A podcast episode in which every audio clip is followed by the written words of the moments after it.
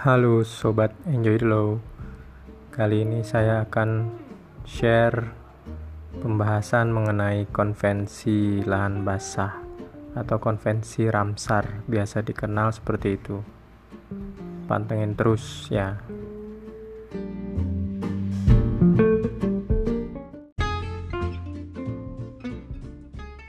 Selamat bergabung di podcast Enjoy the Law Belajar hukum dengan santai dan menyenangkan. Silakan share favorites dan ajak teman-teman untuk mendengarkan podcast ini. Terima kasih.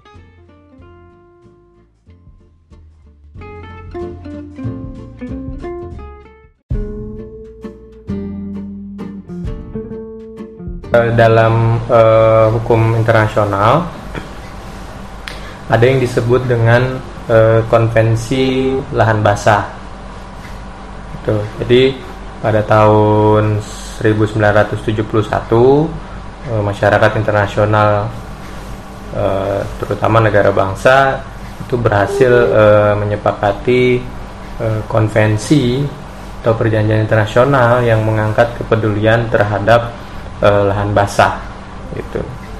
Jadi nama konvensinya ini adalah Wetlands Convention atau lengkapnya adalah Conventions on Wetlands of International Importance, especially as waterfall habitat, atau dikenal juga dengan e, nama Konvensi Ramsar. Itu karena konvensi ini diselenggarakan di kota Ramsar di Iran. Gitu. Nah, e, konvensi Ramsar ini menjadi perjanjian internasional di bidang lingkungan hidup pertama yang menetapkan peraturan mengenai konservasi e, jenis ekosistem tertentu yakni ekosistem lahan basah gitu. Jadi e, apa, pada tanggal 2 Februari 1971 waktu itu ada e, 35 negara 21 negara dari Eropa dan uh, uh, sisanya uh, tersebar di uh, benua yang lain. Dan uh, waktu disepakati tahun 71 Indonesia belum belum menjadi anggotanya gitu. Indonesia baru menjadi anggotanya uh, 20 tahun kemudian uh, tahun 1991 gitu. Nah, uh, konvensi ini terutama konvensi lahan basah ini dia disponsori oleh yang namanya IUCN, IUCN.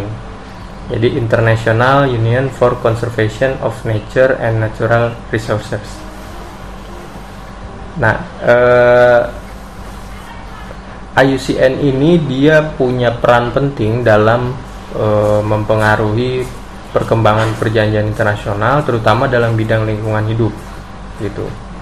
E, kenapa waktu itu e, disepakati disetujui konvensi Ramsar? Karena e, tujuannya selain e, waktu itu pada awalnya konvensi Ramsar fokus pada masalah burung air dan burung migran ya. Jadi uh, bulan ini uh, hari ini itu bertepatan dengan uh, apa uh, peringatan uh, Hari Burung uh, Migran Internasional gitu ya. Jadi burung air dan burung migran itu uh, secara populasinya dia sudah sangat uh, memprihatinkan gitu. Jadi nah Kalimantan Tengah ini itu menjadi wilayah atau spot uh, atau destinasi tujuan dari burung-burung migran yang dia terbang dari Siberia bayangkan. Uh, dia bisa terbang beratus-ratus kilometer bahkan beribu-ribu kilometer uh, dari Siberia. Kemudian uh, dalam bulan-bulan tertentu dari Australia singgah dia di di apa di Kalimantan Tengah gitu. Kenapa sih e, mereka bermigrasi? Karena uh, di habitat asalnya itu bisa jadi kondisi uh, cuacanya uh, kemudian lingkungannya itu sudah sangat ekstrim gitu misalnya pada saat musim dingin musim dinginnya sangat ekstrim dia pasti akan bermigrasi dia akan pindah dia akan mencari uh, apa wilayah atau uh, habitat yang ya setidaknya bisa menghangatkan tubuhnya dia. Nah, Indonesia terutama di Sumatera, Kalimantan, uh, sebagian Sulawesi itu menjadi wilayah-wilayah uh, favorit bagi burung-burung migran gitu. Apa namanya? Setelah pada awalnya fokus pada masalah burung migran, kemudian disepakati itu perkembangannya bahwa eh, konvensi ini juga bertujuan untuk menghentikan perambahan dan perusakan eh, lahan basah gitu. Jadi sejak tahun 70 sebenarnya eh, perambahan dan perusakan lahan basah itu sudah mulai sudah mulai terjadi gitu. Nah kenapa akhirnya konvensi ini e, ingin melindungi ekosistem lahan basah karena secara uh, sifatnya dia uh, unik gitu. Jadi dia unik dan kemudian dia sangat rapuh dan sensitif gitu. Nah persoalannya muncul kemudian uh, apa ketika misalnya lahan basah seperti gambut ya ketika dia dibuka dengan e, secara tidak bijaksana dia akan e, menjadi penyebab apa namanya kebakaran itu akan berlangsung lama gitu. Nah itu saking rapuh dan sensitifnya e, maka e, konvensi ini konvensi Ramsar dia penting untuk e, apa menjaga menghentikan perambahan dan perusakan gitu. Nah uh, kemudian selain apa namanya fokus pada burung migran, burung air, uh, pra, uh, apa menghentikan perambahan, perusakan. Nah, pada hakikatnya konvensi Ramsar ini ingin menjamin pelestarian uh, ekosistem lahan basah. Kenapa? Karena di dalam ekosistem lahan basah itu terkandung sangat kaya eh, apa namanya ekologinya sangat kaya akan spesies flora dan faunanya. Bisa dibayangkan. Eh, ekosistem lahan basah di Kalimantan dan Sumatera. Eh, bisa dibayangkan orang utan itu aja Indonesia sudah punya tiga eh, apa namanya orang hutan Kalimantan, orang hutan Sumatera, dan orang hutan Tapanuli gitu. Jadi saking dia eh, kayaknya, kemudian dia punya punya apa flora dan faunanya yang yang itu sangat sangat unik, sangat bisa jadi sangat langka, tidak bisa ditemukan di daerah lain gitu. Nah, e, coba bisa dicek uh, apakah ada misalnya orang hutan di Jawa? Itu kan tidak gitu. Jadi ya bisa kita lihat paling di kebun binatang gitu. Atau di taman safari gitu. Tapi di habitat hutannya tidak ada gitu. Nah dia ada tuh di habitat uh, atau ekosistem lahan basah di Kalimantan Sumatera gitu. Nah uh, seiring berjalannya waktu uh, dari yang awalnya hanya berapa puluh negara anggota sampai eh, tahun 2020 ini sudah sudah lebih dari 170 eh, negara anggota. Gitu. Jadi hampir eh, apa namanya hampir keseluruhan negara itu di dunia hampir eh, sudah meratifikasi sudah menjadi negara anggota sudah terikat dan terlibat dalam konvensi ini dan sudah lebih dari 220 230 juta hektar eh, luas lahan basah di seluruh dunia yang sudah didaftarkan. Gitu. Nah, eh,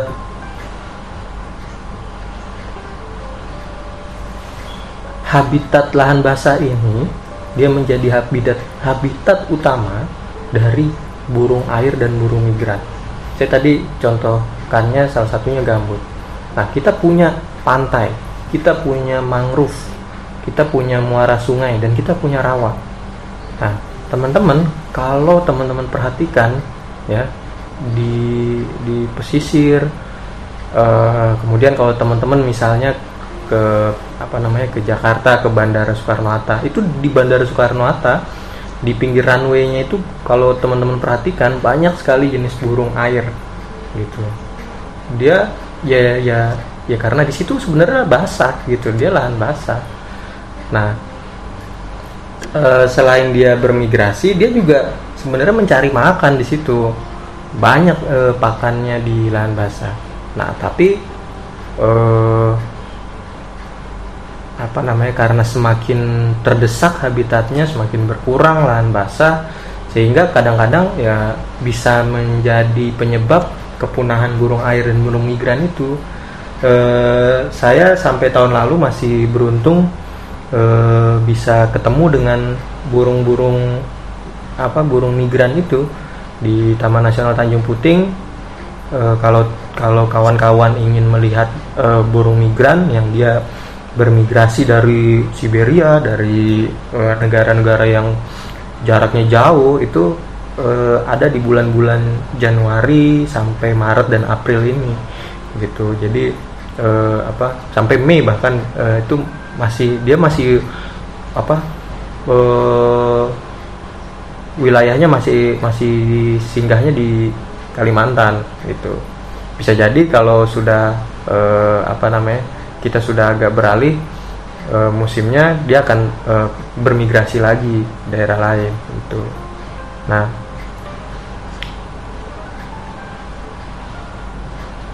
kemudian e, tujuan utamanya sebenarnya konvensi ini ingin mengatur bagaimana pemanfaatan lahan basah secara bijaksana gitu bagaimana apa namanya e, memanfaatkan gambut, memanfaatkan e, e, muara sungai, memanfaatkan rawa, mangrove, pantai itu secara bijaksana gitu. Jadi tidak tidak hanya apa namanya ya, tidak hanya memikirkan e, e, hari ini saja, tapi kalau kita tidak bijaksana bisa jadi ke depan uh, sudah punah gitu atau sudah hilang atau sudah berganti dengan dengan eh, apa namanya model pembangunan yang lain gitu.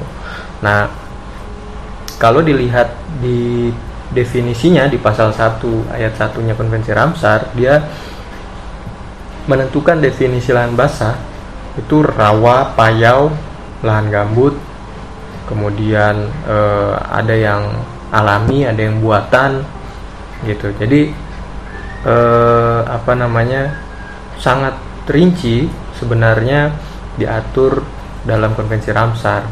Nah, eh, kemudian ekosistem lahan basah dibagi menjadi diklasifikasikan menjadi eh, lima kawasan. Yang pertama dia kawasan laut, gitu. Jadi eh, kawasan laut dia ada yang disebut dengan kelompok lahan basah yang berair asin pesisir dan laguna ya kemudian pantai berbatu terumbu karang dan padang lamun nah padang lamun Kalimantan Tengah kita punya gitu e, apa di pesisir Kabupaten Kota Urian Barat tuh itu adalah habitat e, padang lamun gitu. Kemudian ada kawasan muara. Jadi muara sungai delta rawa pasang surut yang berair payau dan hutan bakau. Punya nggak kita? Punya. Muara sungai kita punya gitu. Rawa pasang surut punya. Teman teman-teman perhatikan model uh, model uh, sungai di di Kalimantan Tengah terutama dia kan sangat berpengaruh pada pasang surut gitu. Jadi ketika jam uh, pagi kemudian sore kita bisa lihat tuh permukaan air tuh atau uh, arah airnya itu dari mana gitu. Jadi rawa pasang surut ini dia sangat berpengaruh. Hutan bakau punya kita e, uh, bukan tidak punya punya gitu. Tapi kalau kita lihat kondisinya sudah sangat uh, memprihatinkan gitu. Jadi uh, mengapa sih penting uh, mangrove ekosistem mangrove atau hutan bakau ini dijaga? Karena ya apa namanya dia dia itu penjaga penjaga paling depan gitu. Ketika uh, beberapa tahun yang lalu teman-teman pernah uh, lihat videonya waktu apa namanya uh, terjadi angin ribut di pesisir Kobar kemudian uh, air laut itu bisa sampai menghantam ke pemukiman gitu.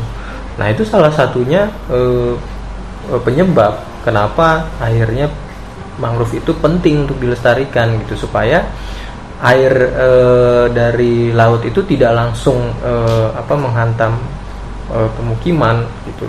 Pesisir minimal dia dijaga dulu tuh di e, mangrove-nya gitu. Kemudian yang ketiga ada kawasan e, rawa gitu jadi ada rawa air tawar rawa gambut gitu ya. Jadi punya nggak kita? Punya gitu. Hampir Kalimantan Tengah ini e, didominasi oleh rawa gitu dan rawa gambut gitu. Kemudian yang keempat ada kawasan danau. Nah eh, apa namanya? Punya nggak kita danau Kalimantan Tengah? Banyak danau e, mulai dari Kota Ren Barat kita punya danau di Seruyan itu ada danau di agak ke hulu naik ada e, di Barito Selatan ada danau. Banyak gak? Banyak gitu. Tapi kita lihat lagi kondisinya sekarang. Itu udah sangat memprihatinkan. Kemudian ada kawasan sungai. Nah yang terakhir kawasan sungai. Rasa-rasanya Kalimantan Tengah ini apalagi Kalsel ya dia punya julukan negeri seribu sungai gitu. Karena sampai di dalam kota pun banyak sungai-sungai kecil tuh e, mengaliri e, apa namanya e, kota-kotanya atau wilayahnya. Tapi persoalannya bisa dilihat tuh kondisinya sekarang. Terjadi sedimentasi kemudian eh, apa eh, dalam satu sisi dalam dalam eh, satu hal saya eh, sebenarnya kurang setuju dengan eh, apa namanya pembangunan eh, apa turap gitu ya. Jadi eh, sungai itu di, di dibikin pinggirnya itu dibikin beton gitu loh. Nah di turap. Itu sebenarnya saya kurang setuju. Kenapa?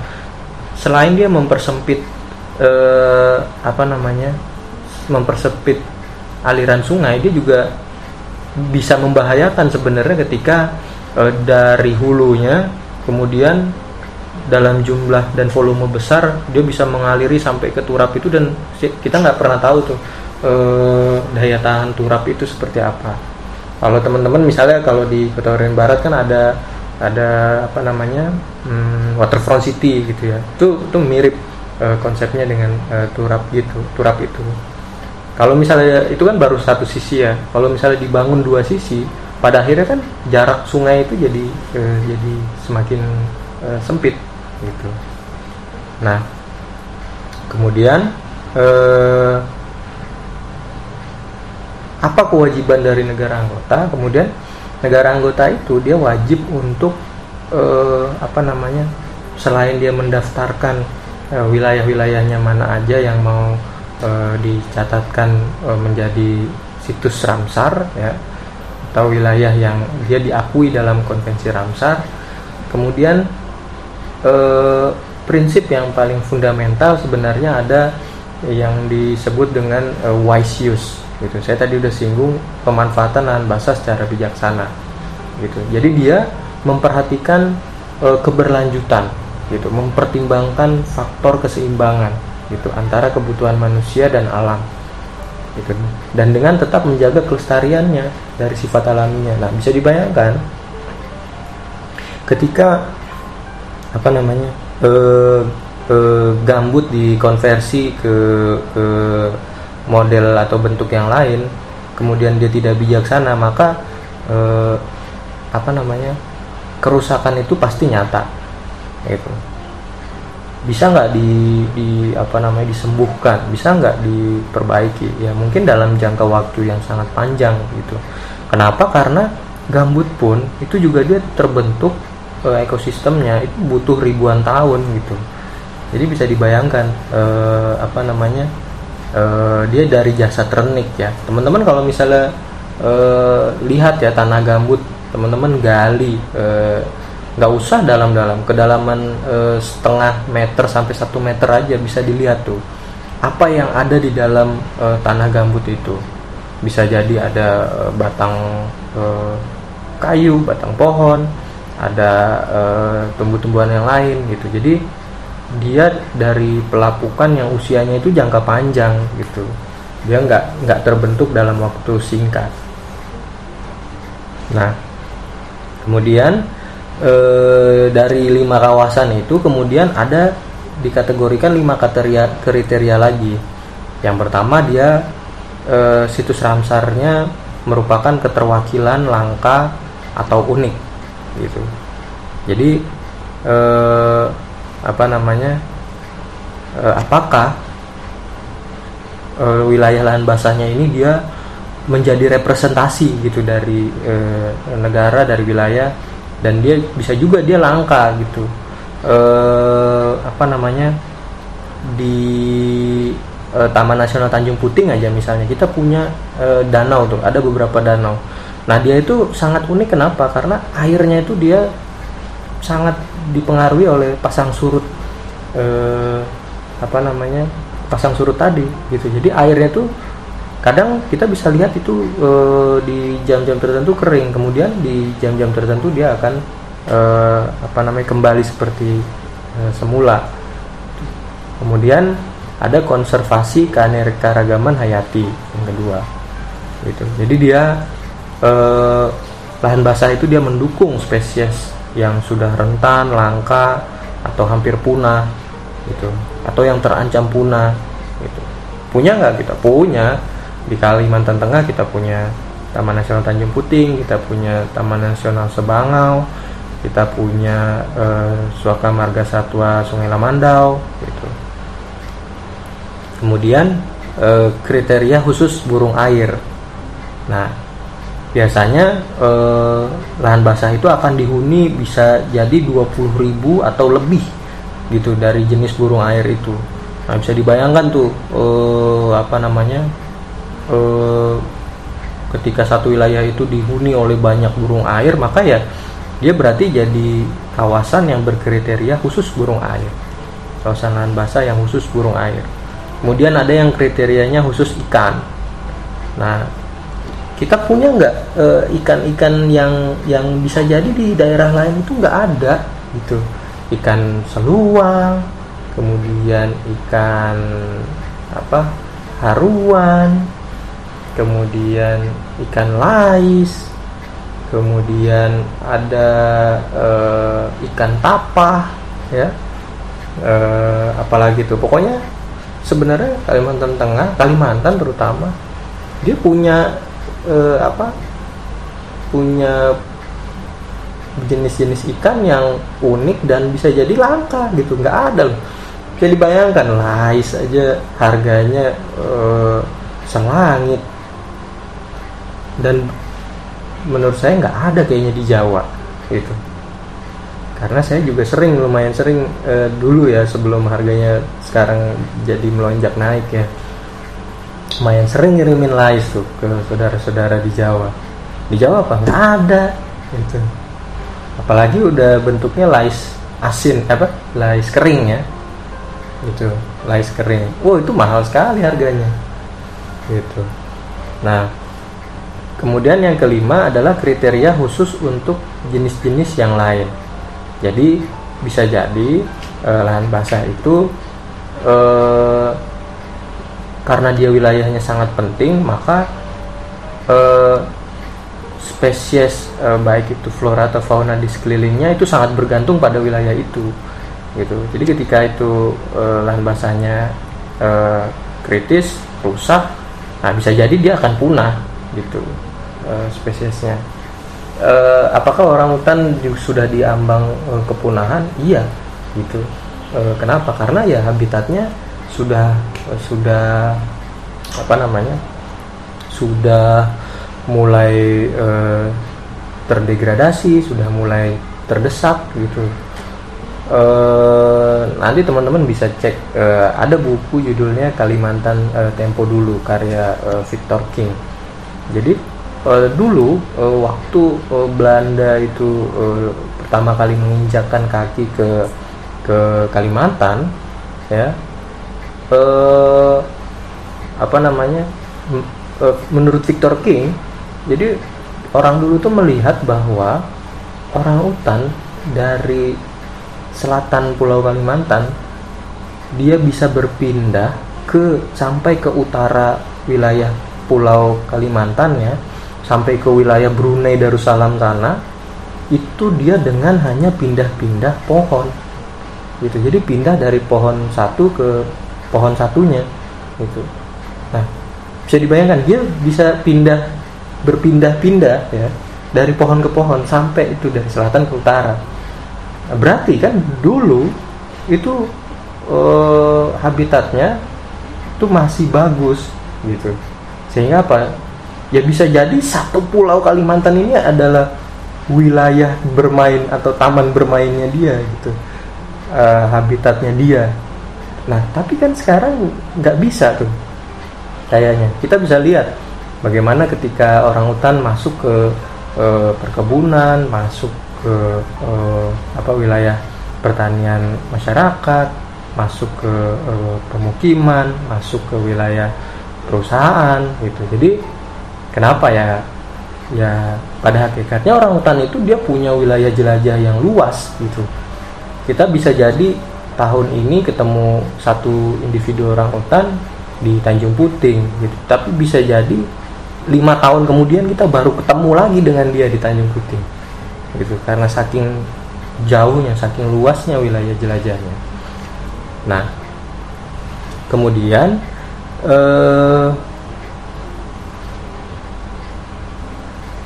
bagaimana eh, Indonesia menyatakan diri bergabung dalam konvensi e, Ramsar ini. Jadi tahun 1991 e, Indonesia melalui keputusan Presiden nomor 48 tahun 1991 e, mengajukan e, dua taman nasional gitu. Sorry, mengajukan satu taman nasional yaitu Taman Nasional Berbak di Provinsi Jambi sebagai situs Ramsar itu sebagai situs lahan basah gitu. jadi eh, kenapa akhirnya Indonesia itu didorong waktu itu eh, menjadi ikut menjadi anggota konvensi Ramsar? Karena eh, satu lahan basah di Indonesia itu didominasi oleh lahan gambut dan dia punya predikat bahkan terluas di Asia Tenggara. Gitu. Nah eh, yang kedua karena waktu itu marak tuh illegal logging ya pembalakan pembukaan eh, hutan pembukaan lahan itu marak sekali gitu. Jadi sehingga eh, dulu ya tahun-tahun 9 eh, 7 96 97 saya waktu itu masih SD saya ingat betul itu eh, apa namanya mungkin di akhir-akhir tahun 90-an itu uh, cukup menyedihkan kondisinya di Kalimantan karena kebakaran hebat ya.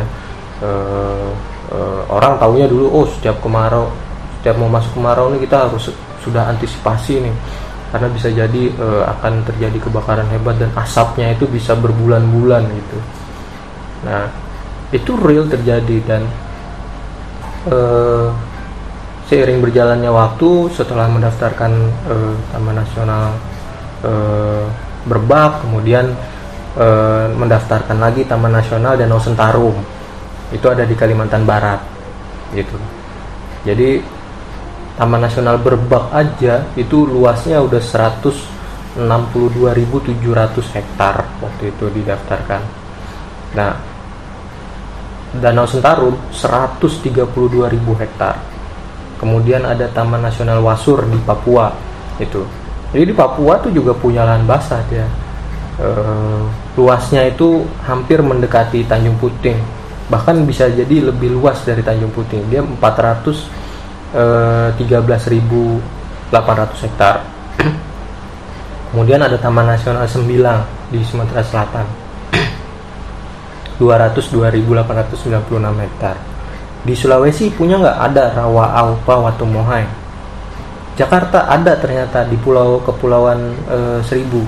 Jadi Suaka Marga Satwa Pulau Rambut di DKI Jakarta. Luasnya ya nggak terlalu luas cuma 90 hektar. Tapi burung-burung burung-burung migran itu dia singgah juga dia di, di apa di kepulauan di DKI Jakarta. Dan yang terakhir itu ada Taman Nasional Tanjung Puting gitu. Jadi sekitar 400.800 hektar 408.000 hektar itu yang didaftarkan. Nah bisa dibayangkan tuh total luasnya itu hampir 1 1,4 juta hektar lebih yang didaftarkan di Indonesia. Kita ada kemiripan tuh Tanjung Puting dengan Berbag dan Sembilan kita ada kemiripan tuh. Jadi ikan-ikan yang eh, saya nggak tahu ya eh, kalau di Sumatera itu penyebutannya apa tapi kalau ngelihat bentuknya wah ini kayaknya sama nih eh, ikan lais nih ikan eh, haruan gitu. Tapi di, bisa jadi di Sumatera tuh penyebutannya berbeda namanya.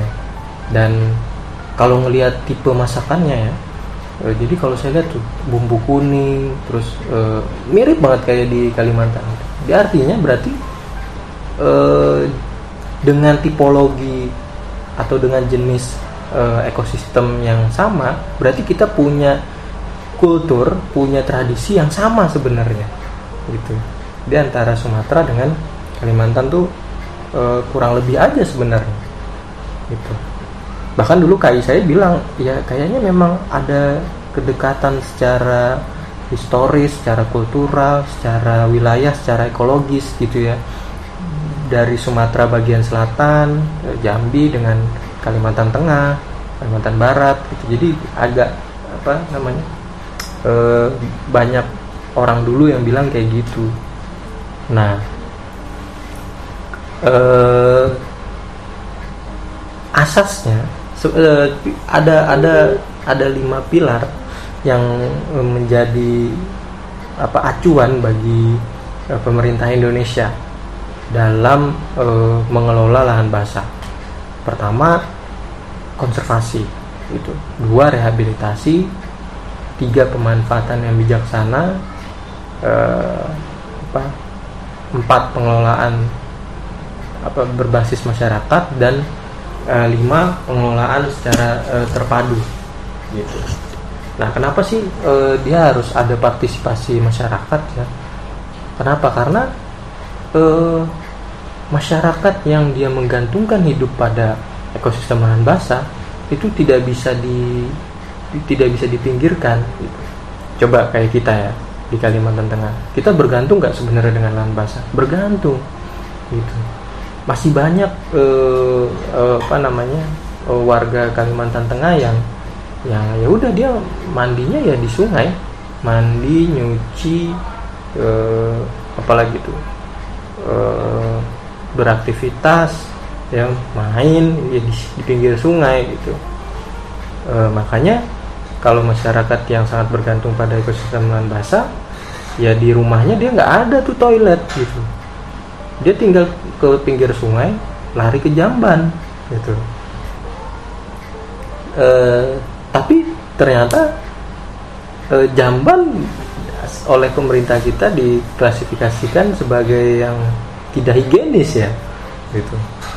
Padahal saya kalau pagi-pagi itu saya sangat senang sekali ketika bisa e, apa buang air besar di jamban gitu. Itu rasanya sangat berbeda ketika kita pup kita buang air besar di e, toilet atau di kamar mandi.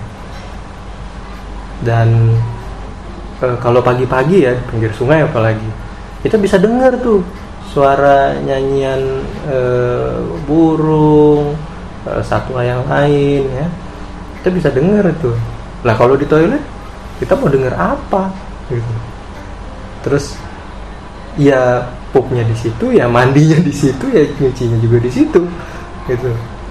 Bahkan ngambil air buat minum pun juga di situ gitu seringnya. Nah itulah pentingnya eh, apa namanya uh, ada ada pengelolaan yang dia berbasis uh, masyarakat. Nah, uh, apakah konvensi Ramsar ini dia sudah uh, di di ratifikasi? Sebenarnya sudah gitu. Cuman persoalannya adalah uh, waktu itu di tahun 1991 pemerintah kita meratifikasinya dengan uh, keputusan presiden gitu. Jadi bukan dengan uh, undang-undang gitu. Nah uh, akan tetapi perkembangannya sebenarnya dia sudah ditransformasikan ke dalam hukum nasional gitu. Jadi kalau bicara substansinya konvensi lahan basah nanti teman-teman bisa cek dimulai dari undang-undang nomor 5 tahun 1990 tentang konservasi sumber daya alam dan ekosistemnya. Kemudian eh, ada undang-undang nomor 32 tahun 2009 tentang perlindungan dan pengelolaan lingkungan hidup. Dan eh, yang paling penting kalau bicara kawasan eh, ada undang-undang nomor 26 tahun 2007 tentang penataan ruang. Makanya kalau teman-teman pernah ngambil eh, tentang hukum tata ruang eh, di situ juga akan mempelajari bahwa ada kawasan lindung, ada kawasan suaka alam, kawasan pelestarian alam, bahkan disebutkan juga di situ ada yang namanya kawasan eh, atau situs Ramsar gitu. Nah, sudah difasilitasi sebenarnya di di apa namanya di eh, peraturan perundang-undangan kita. Nah, yang terakhir sebenarnya kita punya peraturan pemerintah eh, nomor 71 tahun 2014 yang sudah berapa kali diubah e, tentang perlindungan dan pengelolaan ekosistem e, gambut gitu. Jadi kita sudah punya tuh e, kalau ditanya e, gambut itu ada nggak e, aturan yang melindunginya? Ada. Gitu. Jadi teman-teman nanti bisa bisa cross check di peraturan pemerintah itu dan bisa bisa e, apa namanya bisa menjelaskan bahwa mengapa akhirnya e, peraturan pemerintah itu muncul karena e, kondisinya sudah sangat memprihatinkan terutama kemarin waktu kebakaran di tahun 2015 gitu ya. Kalimantan Tengah waktu tahun 2015 itu cukup memprihatinkan ya. E, e, saya juga sangat sedih melihat kondisi waktu tahun 2015 ya. Sehingga apa? Sehingga akhirnya muncul desakan uh, so, uh, sorry so, uh, eh, PP ini sebenarnya sudah muncul di tahun 2014 akhir. Nah kemudian uh, momentumnya tepat ketika 2015 terjadi kebakaran. Akhirnya di uh, direvisi uh, sehingga penekanannya agar perlindungan dan pengelolaan ekosistem gambut ini juga uh, berjalan beriringan dengan uh, upaya untuk pencegahan agar uh, apa ekosistem gambut tidak mudah terbakar. Itu karena tadi ya karena dia uh, rapuh itu sensitif.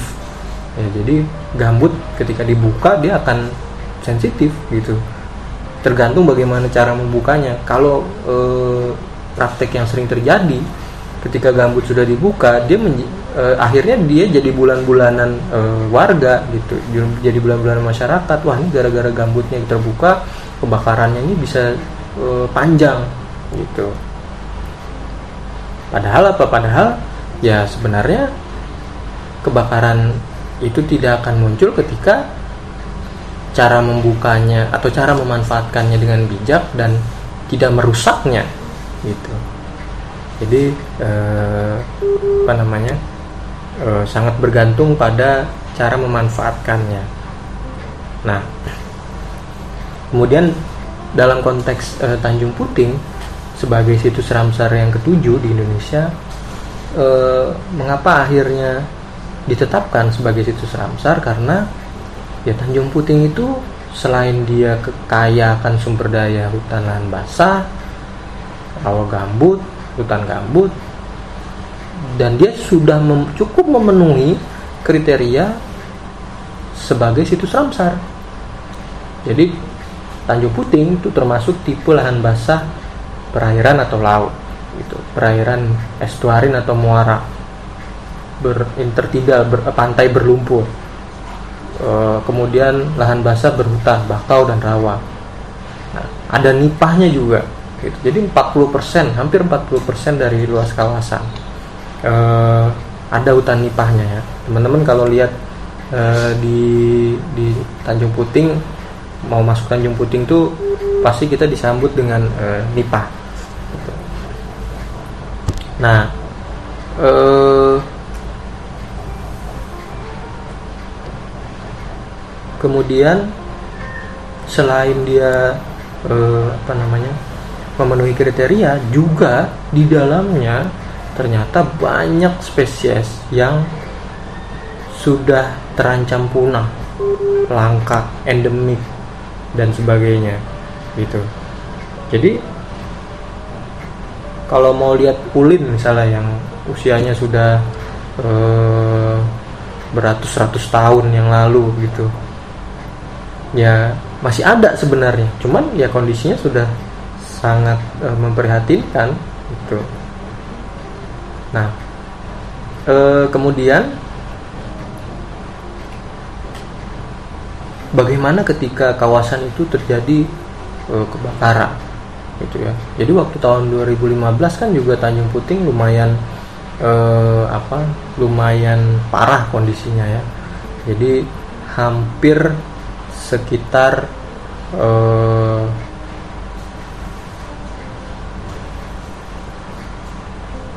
berapa ribu hektar yang terbakar Nah, perkiraannya luasan area yang terbakar waktu tahun 2015 Tanjung Puting itu hampir 118.000 hektar. Itu artinya itu sekitar 28,8 persen.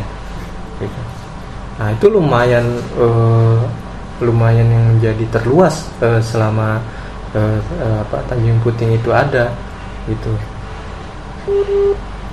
Ya kita nggak bisa pungkiri bahwa Eh, ketika misalnya e, terjadi kebakaran tidak hanya masyarakat yang merasakan dampaknya tapi juga satwa gitu e, apa namanya satwa-satwa itu ya juga jadi akhirnya terdesak semakin terdesak e, apa kawasannya atau habitatnya gitu. Nah e, karena hut apa ekosistem lahan basah ini e, sensitif dan rapuh ya ketika pemanfaatannya tidak berkelanjutan dan tidak bijaksana maka ini menjadi masalah paling serius terhadap keberlangsungannya itu nah yang perlu dilakukan sebenarnya adalah satu ya kita harus lestarikan itu. Ketika misalnya terjadi kebakaran di ekosistem lahan basah ya ayo kita secara uh, bahu membahu kita melakukan penanaman kembali gitu. Kenapa? Karena bisa jadi misalnya pohon ulin yang sudah berusia uh, 600 tahun gitu misalnya. Jika dia terbakar habis untuk menanamnya kembali ya berarti butuh ratusan tahun lagi gitu. Ketika itu habis ya eh, apa eh, eh, pohon ulinnya kemudian kita butuh waktu yang sangat lama gitu. Bayangkan bisa berapa keturunan itu. Eh, saya saya pernah diceritakan dulu ya sama eh, pangeran di apa namanya di eh, kota Waringin lama eh, bahwa pangeran bilang e, e, Astana Al Nursari yang ada di Kota Waringin Lama itu e, usianya sudah e, e, hampir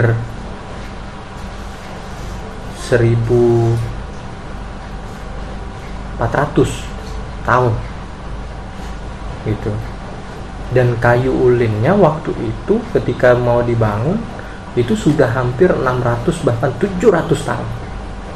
Lah berarti kalau di jumlah ya dari mulai dia eh, piik itu pohon ulinnya sampai dia menjadi eh, bangunan ya sampai dia menjadi astana itu itu berarti kan sudah hampir 2000 tahun gitu loh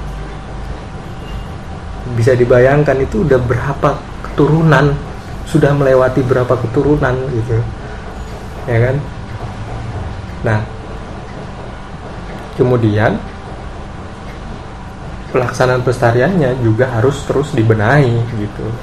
Jadi misalnya eh, apa namanya masyarakat itu harus terus di di apa diberi pemahaman bahwa eh, ya karena karena masyarakat dengan ekosistem lahan basah ini tidak bisa dipisahkan maka ya akan lebih bijak kalau memanfaatkannya juga secara bijaksana. Gitu. Kenapa? Karena keberadaannya sangat tergantung pada cara pemanfaatan dan usaha pelestariannya. Itu jadi ya memang perlu kesadaran bersama sebenarnya. Eh, apa namanya? Untuk eh, menjaga ekosistem lahan basah gitu kenapa karena ketika gambut sudah rusak terutama pasca terbakar ya dia harus segera itu dilakukan pemulihan Kenapa? Kalau tidak segera ya tadi dia bisa menjadi penyebab asap itu jadi berbulan-bulan gitu. Jadi ya kalau bisa ya ya jangan dibakar gitu. Jadi kalau membuka lahan atau membuka uh, hutan gambut ya kalau bisa jangan dibakar gitu. Kenapa? Ya efeknya jangka panjang. Gitu.